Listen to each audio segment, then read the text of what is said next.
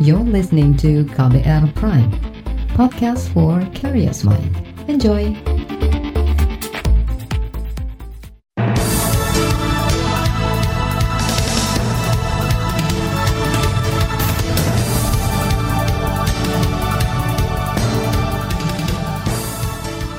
Selamat pagi saudara, senang sekali kami bisa menjumpai Anda kembali melalui program Buletin Pagi edisi Selasa 14 Juli 2020 bersama saya Agus Lukman. Kami telah menyiapkan sejumlah informasi terkini di antaranya DPR menduga ada fasilitas dari pemerintah dan aparat di kasus Joko Chandra.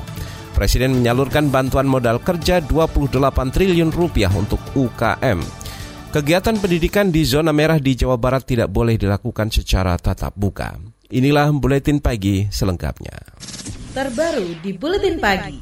Komisi yang membidangi hukum di DPR menyoroti kinerja Direktorat Jenderal Keimigrasian dalam pemberian paspor kepada terpidana korupsi berstatus buronan dalam pengalihan dalam perkara pengalihan hak tagih atau cesi Bank Bali yaitu Joko Chandra. DPR juga mempersoalkan kinerja keimigrasian atas bebasnya Joko Chandra keluar masuk Indonesia. Anggota Komisi Hukum DPR dari fraksi Partai Demokrat Beni Kaharman menduga ada permainan dan pengawalan dari pemerintah atau aparat terhadap Joko Chandra. Dari hasil korespondensi Direktorat Jenderal Keimigrasian terungkap Joko Chandra keluar Indonesia menggunakan jalur resmi.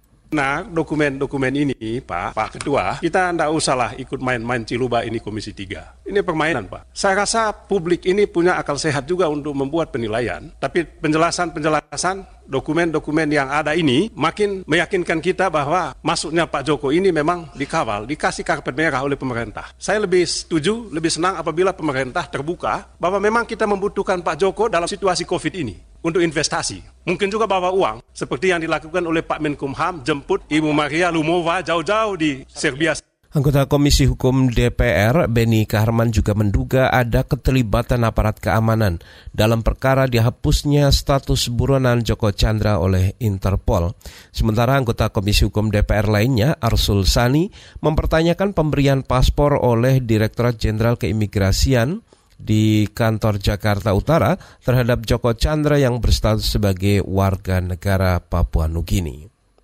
Sementara itu, Saudara Direktur Jenderal Keimigrasian di Kementerian Hukum dan HAM Johnny Ginting berdalih Joko Chandra yaitu terpidana kasus pengalihan hak utang hak tagih utang Bank Bali sudah memenuhi persyaratan dalam pembuatan paspor sebagai warga negara Indonesia. Apalagi Joko Chandra menyertakan KTP dan paspor lama sebagai syarat pembuatan paspor. Dia tahu kelemahan kita, dia main di kelemahan kita itu. Kami menyadari itu. Kenapa waktu itu? Karena pada saat pada saat jam 8 itu dia datang, itu petugas kita itu petugas baru ya. Bukan membela lagi, ini bukan membela lagi Pak Bapak Beni, enggak. Kalau memang kami disalahkan, kami disalahkan. Kami menerima itu. Kalau dia masih umur 20 tahun, 23 tahun, dia baru lulus. Dia nggak akan kenal ini Joko Chandra kalau pagi-pagi datang. Kemungkinan karena kami sudah BAP. Dia tidak kenal katanya. Dari sistem juga nggak ada. Nah, bukan defensif kami, tapi kami periksa dia. Sampai waktu itu hari Jumat, eh, hari tanggal 27, Direktur Jenderal Keimigrasian di Kementerian Hukum dan HAM Johnny Ginting juga beralasan tidak ada notifikasi atau pemberitahuan dalam sistem ke keimigrasian sehingga paspor untuk Joko Chandra bisa diterbitkan oleh Direktorat Jenderal Imigrasi Kantor Jakarta Utara. Menurut John Ginting, pada saat pembuatan paspor, sistem keimigrasian tidak memuat status Joko Chandra sebagai buronan atau masuk daftar pencarian orang atau DPO, sehingga sistem di lembaganya tidak memberikan notifikasi agar dilakukan pencegahan pembuatan paspor. Menteri Koordinator Bidang Politik, Hukum, dan Keamanan Mahfud MD yakin cepat atau lambat kepolisian dan kejaksaan akan bisa segera menangkap buronan koruptor Joko Chandra. Dalam pernyataan yang disampaikan Jumat pekan lalu, Mahfud optimistis dua institusi ini bisa bekerja sama untuk meringkus buronan yang sudah menjadi pencarian atau masuk daftar pencarian orang sejak 2009 lalu. Kita optimis Joko Chandra ini nanti cepat atau lambat akan kita tangkap optimis dan tadi semua institusi Kejaksaan Agung Polri itu bertekad uh, untuk mencari dan uh, menangkapnya. Menteri Koordinator Bidang Politik Hukum dan Keamanan Mahfud MD juga telah memanggil kepolisian dan kejaksaan untuk membahas komitmen dua institusi ini dalam penangkapan Joko Chandra. Sedangkan Kementerian Hukum dan HAM dan Kementerian Dalam Negeri akan memproses dugaan pelanggaran dokumen kependudukan dan keimigrasian. Mahfud menambahkan seharusnya Indonesia tidak dipermalukan oleh buronan seperti Joko Chandra. Joko Chandra menjadi buronan sejak 2009 lalu. Namun baru-baru ini Joko Chandra berhasil masuk ke Indonesia dan sempat mendaftarkan peninjauan kembali terhadap kasusnya di Pengadilan Negeri Jakarta Selatan. Saudara masyarakat anti korupsi Indonesia maki menilai ada aparat yang justru melindungi dan melayani buronan kasus korupsi Joko Chandra dengan memberikan fasilitas, termasuk di antaranya dalam pembuatan KTP elektronik dan memperbarui paspor. Koordinator Maki, Bonyamin Saiman, menduga kasus Joko Chandra bebas berkeliaran bukan lagi keteledoran tapi kesengajaan pemerintahan sipil maupun aparat penegak hukum. Maki akan melaporkan pejabat-pejabat yang diduga terlibat memfasilitasi Joko Chandra ke Ombudsman Republik Indonesia. Maka saya ya Ombudsman nanti mudah-mudahan bisa menelisik semua dan memberikan rekomendasi bagi siapa pun yang diduga melanggar, maka harus diberi hukuman. Misalnya ya dicopot jabatannya, diturunkan pangkatnya, ditunda gajinya, atau lebih tinggi lagi misalnya di, diberhentikan sebagai uh, apa, aparatur negara baik ASN maupun APH aparat penegak hukumnya kan gitu kan. Itu tadi Koordinator Masyarakat Anti Korupsi Indonesia Maki Boyamin Saiman. Maki juga meminta agar seluruh instansi yang terlibat dalam pelarian Joko Chandra dievaluasi, termasuk menyelidiki kemungkinan keterlibatan pegawai di instansi itu. Ia mendesak ada tindakan tegas dan hukuman kepada pegawai yang terlibat dalam leluasannya Joko Chandra beraktivitas di Indonesia. KBR hingga semalam sudah berusaha untuk menghubungi kuasa hukum Joko Chandra yaitu Andri Putra Kusuma untuk diminta informasi ataupun tanggapan namun belum ada jawaban dari yang bersangkutan. Saudara DKI Jakarta masih mencatat tambahan kasus positif COVID-19 tertinggi di Indonesia. Informasi selengkapnya hadir sesaat lagi tetaplah di Buletin Pagi. You're listening to KBR Pride, podcast for curious mind. Enjoy!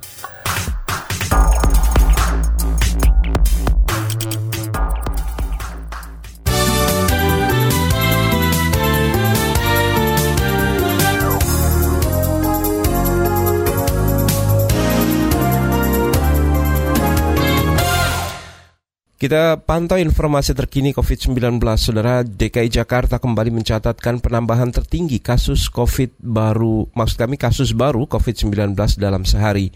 Hingga sore kemarin, Jakarta mencatat tambahan 280-an kasus baru, disusul Jawa Timur dan Sulawesi Selatan. Juru bicara pemerintah untuk COVID-19 Ahmad Yuryanto mengatakan hingga kemarin ada tambahan kasus baru sebanyak lebih dari 1.200 kasus. Hari ini kita memeriksa 13.100 spesimen. Dari pemeriksaan 13.100 spesimen ini, total yang sudah kita lakukan pemeriksaan adalah sebanyak 1.074.467 spesimen.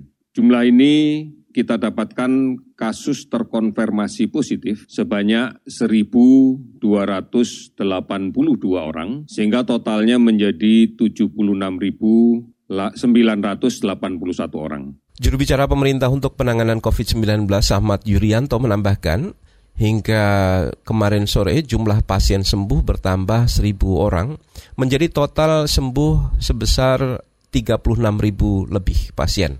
Sementara kasus meninggal bertambah menjadi 3.650 pasien. Gugus Tugas Percepatan Penanganan COVID-19 di Indonesia meminta agar lokasi kegiatan pendidikan berbasis asrama di seluruh tanah air menerapkan protokol kesehatan secara ketat.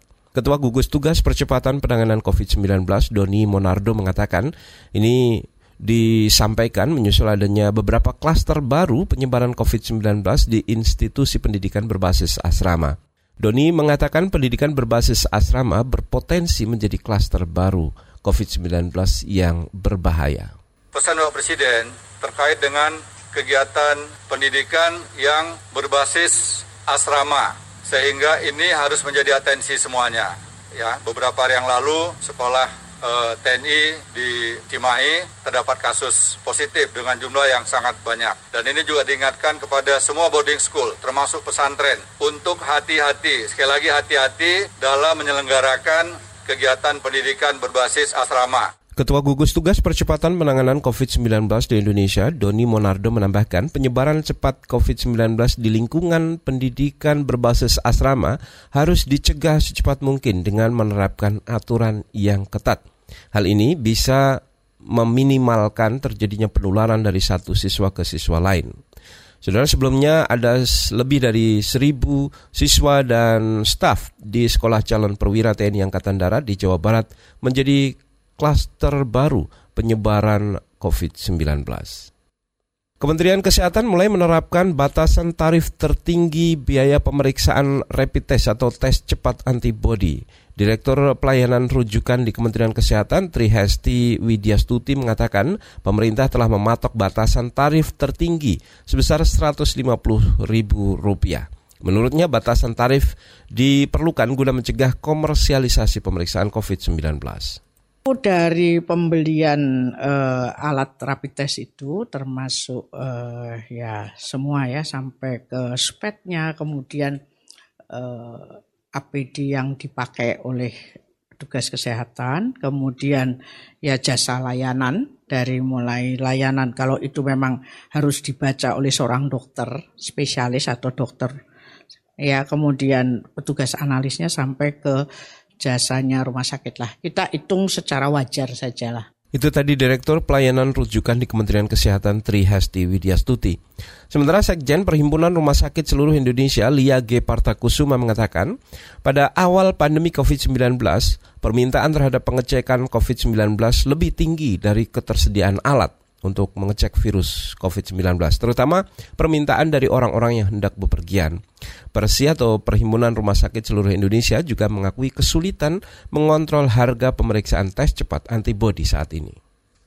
Saudara pemerintah meminta agar pengelola rumah ibadah mempersingkat peribadatan di ruangan tertutup.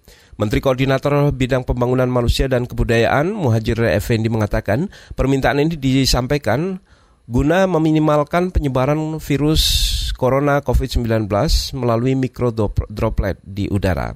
Muhajir juga meminta agar rumah ibadah memperhatikan waktu pertemuan di ruang tertutup lainnya. Ini saya juga menghimbau setiap pertemuan untuk tolong dibatasi, terutama yang tempat pertemuan yang tertutup, ya, agar jangan sampai konsentrasi kemungkinan mikrodroplet itu tidak bisa segera keluar dari ruangan. Termasuk misalnya khutbah Jumat, atau khutbah di ruang tempat-tempat peribadatan yang lain sebaiknya supaya dipersingkat. Menteri Koordinator Bidang Pembangunan Manusia dan Kebudayaan Muhajir Effendi menambahkan mikrodroplet yang keluar saat seseorang positif COVID-19 berbicara, mikrodropletnya bisa bertahan di udara selama 20 menit. Bahkan menurut dia, Organisasi Kesehatan Dunia WHO juga mengakui bahwa penyebaran virus SARS-CoV-2 penyebab COVID-19 bisa melalui udara. Kita ke informasi ekonomi, saudara pemerintah menyalurkan bantuan modal kerja sebesar 28 triliun rupiah kepada pelaku usaha mikro kecil UMK yang terimbas pandemi COVID-19. Nantinya satu UMK akan mendapatkan modal kerja sebesar 2,4 juta rupiah.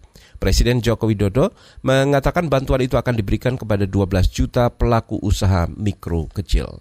Ini bantuan modal kerja ini memang apa isinya tidak banyak 2,4 juta.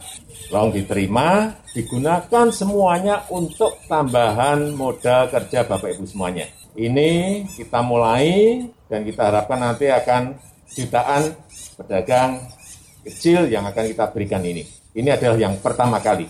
Presiden Joko Widodo mengakui pendapatan usaha mikro kecil menengah, maksud kami pendapatan dari para pelaku usaha mikro kecil anjlok akibat pandemi COVID-19. Jokowi menambahkan dampak pandemi virus corona menghantam bisnis masyarakat di semua tingkatan. Kita ke mancanegara, saudara Partai, Partai Aksi Rakyat kembali menang dalam pemilu Singapura 2020. Kandidat Perdana Menteri dari Partai Aksi Rakyat Singapura Lee Hsien Long menang telak dari dua pesaingnya yaitu Pritam Singh dari Partai Buruh dan Tang Cheng Bok dalam pemilu Singapura 2020 yang digelar pada Jumat lalu. Selama kampanye, Partai Aksi Rakyat berjanji akan menciptakan lapangan kerja, menyediakan bantuan pekerjaan, memperkuat jaring pengaman sosial dan inisiatif untuk kaum muda muda dan keluarga. Laporan khas KBR mengenai cerita hari pertama masuk sekolah akan kami hadirkan usai jeda tetaplah di Buletin Pagi KBR. You're listening to KBR Pride, podcast for curious mind. Enjoy!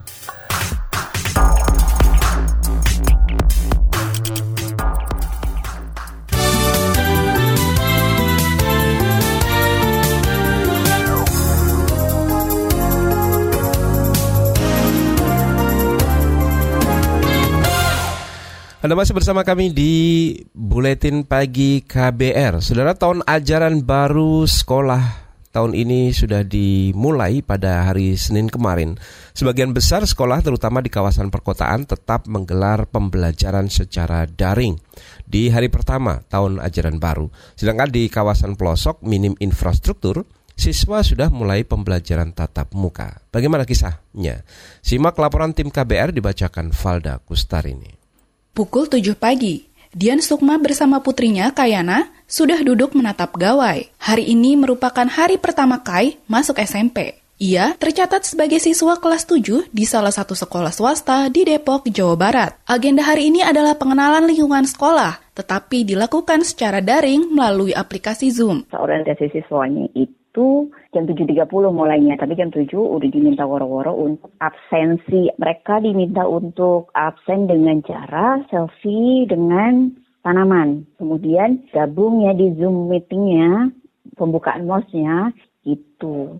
Mereka punya permen perkenalan murid karakter keren dipandunya sama anak-anak OSIS. Seluruh peserta didik baru diperkenalkan dengan para guru dan kepala sekolah. Masa orientasi siswa baru ini akan dilaksanakan hingga Jumat besok. Meski digelar daring, mereka tetap mendapatkan tugas dari sekolah, yakni membuat jurnal harian yang dikerjakan bersama-sama dalam kelompok kecil. Kelompok ini diacak. Acaknya nggak sama-sama kelas, jadi beda kelas kelompok ini dikasih tema tokoh-tokohnya Harry Potter. Nanti kemudian sekitar kelompok bikin Zoom meeting lagi, perkenalan lagi di situ gitu. Kemudian dapat tugas dari kakak OSIS untuk membuat jurnal itu. Nah jurnal itu harus di, dihias sedemikian rupa lah, jurnalnya per hari. Dilihatin ya sama presentasi kalau nggak salah sore nanti harus ada ditutup, kemudian evaluasi. Dian mengaku sedih karena Kai putrinya tak bisa merasakan pengalaman pertama masuk ke sekolah dan lingkungan baru. Menurutnya, ada pengalaman berharga yang hilang karena mereka memulai hari pertama hanya lewat gawai. Apalagi di sekolah ini, Kai cuma mengenal beberapa anak teman SD-nya dulu. Nggak bisa digantikan gitu. Ketika kita pertama kali datang pakai seragam gitu nggak kenal siapa-siapa itu rasanya kan beda ya. Itu kan nggak bisa tergantikan sama ketika kita cuma duduk di depan laptop atau gadget. Saya lebih memilih untuk offline tentu saja gitu. Cuman ya karena begini nggak mungkin kan gitu. Berdasarkan informasi yang diterima Dian, belajar jarak jauh akan dilakukan hingga Agustus mendatang. Pembelajaran tatap muka hanya bisa digelar jika kondisi sudah membaik. Kelasnya untuk sementara masih online dulu kan ada evaluasi setelah Agustus. Dilihat kondisinya akan ada shift. Nggak tahu persifnya nanti akan diumumkan lagi shiftnya bagaimana. Apakah shift per kelas atau shiftnya dibagi lagi kelas lebih kecil lagi atau bagaimana belum dipastikan. Jika nanti sekolah dibuka, Dian berharap ada jadwal siswa belajar di sekolah meski tak seminggu penuh.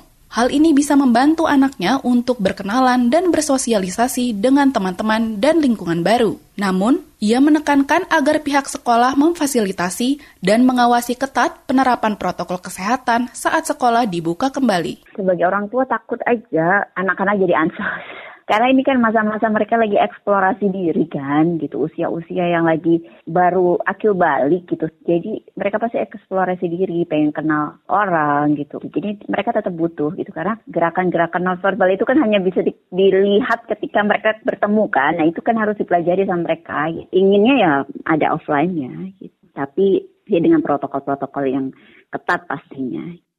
Teluk Bintu ini ada zona hijau, jadi sesuai protokol kan kita boleh tatap muka belajar. Tika, tenaga pendidik di SMP YPK Tanah Merah, Papua Barat, menceritakan suasana hari pertama masuk sekolah setelah lebih dari tiga bulan belajar dari rumah.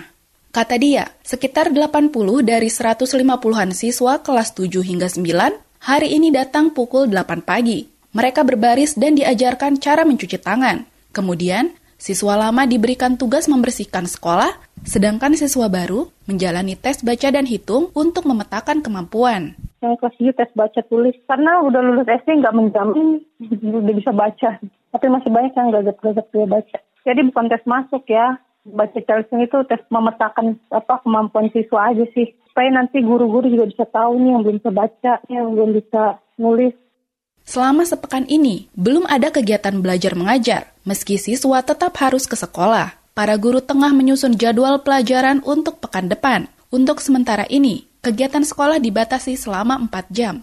Cuma 4 jam aja kan katanya. 4 jam pelajaran, ikut aturan aja. Biasa sekolah tuh sampai jam 2, sampai jam setengah 2 biasanya. Sekarang dikurangi waktu belajar cuma sampai jam 12. Jadi kantin udah nggak buka, ya udah kantin nggak buka, makanya pulang dikasih cepat-cepat supaya mereka bisa makan siang di rumah juga. Menurut Tika, belajar daring memang bukan pilihan bagi anak Papua Barat. Pasalnya, jaringan internet belum bisa dinikmati di sana. Bukannya bagaimana, nggak ada jaringan. Anak-anak juga nggak semuanya punya HP loh. Paling dari satu kelas cuma satu dua aja yang dikasih dibeliin HP. Demikian laporan tim KBR, saya Valda Kustarini.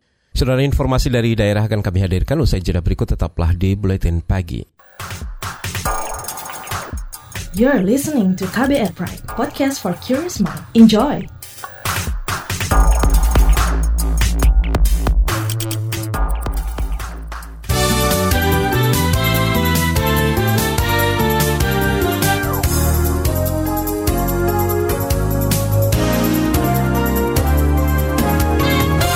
Inilah bagian akhir buletin pagi KBR. Kita menuju ke Jawa Barat. Saudara pemerintah Provinsi Jawa Barat melarang seluruh kegiatan pendidikan di provinsi itu digelar secara tatap muka. Meskipun melarang, Gubernur Jawa, Barat Ridwan Kamil membolehkan kegiatan pendidikan di sekolah yang berlokasi di zona hijau atau nihil kasus COVID-19. Ridwan Kamil mengingatkan sekolah di luar zona hijau yang memperlakukan tatap muka akan dikenakan sanksi. Jadi kita semua harus saling mengingatkan baik dari gugus tugas maupun dari orang tua, dari media jika ada tolong melaporkan ke gugus tugas masing-masing e, karena aturan SKB 4 menterinya sudah jelas selama belum berstatus hijau maka tatap muka itu tidak boleh dilakukan. Gubernur Jawa Barat Ridwan Kamil juga meminta pelaksanaan MOS atau masa pengenalan lingkungan sekolah di tahun ajaran baru digelar secara daring atau secara online. Ia juga meminta gugus tugas percepatan penanganan COVID-19 di Jawa Barat untuk memeriksa sekolah mana saja yang tetap nekat menggelar tatap muka. Kita ke Sulawesi Selatan, saudara kota Makassar mulai menerapkan pembatasan keluar masuk wilayah itu dengan mewajibkan warganya memiliki surat keterangan bebas COVID-19. Penjabat wali kota Makassar Rudi Jamaludin mengatakan untuk memaksimalkan pembatasan itu pemerintah kota menyiagakan ribuan aparat di delapan titik utama perbatasan antara Makassar dengan Maros dan Makassar dengan Goa. Kita rencanakan satu minggu, ya minggu. sambil kita melihat bagaimana kurva kelandian dan kepatuhan masyarakat terkait dengan pelaksanaan protokol kesehatan. Ya, memang kita hari ini kan pertama ya, jadi kita soft dulu ya, kita tanya. Tapi saya lihat sebagian besar masyarakat sudah tahu bahwa akan ada kegiatan ini dan sudah ada yang mempersiapkan memang surat keterangan. Kalau kita tanya surat keterangan ada tahu dia, ya sudah banyak tahu. Nah nanti semakin lama kita tingkatkan intensitas ketegasan daripada aparat untuk semakin mengefektifkan uh, kegiatan pembatasan. Pejabat Wali Kota Makassar Rudi Jamaludin menambahkan selain memperketat perbatasan, pemerintah kota juga mengawasi kepatuhan pelaku usaha maupun warga yang ada di dalam kota. Informasi tadi saudara menutup jumpa kita di Buletin Pagi KBR hari ini. Pantau terus informasi terbaru melalui kabar baru, melalui situs kbr.id, Twitter kami di akun @beritaKBR serta podcast melalui kbrprime.id. Akhirnya saya Agus Lukman undur diri. Salam.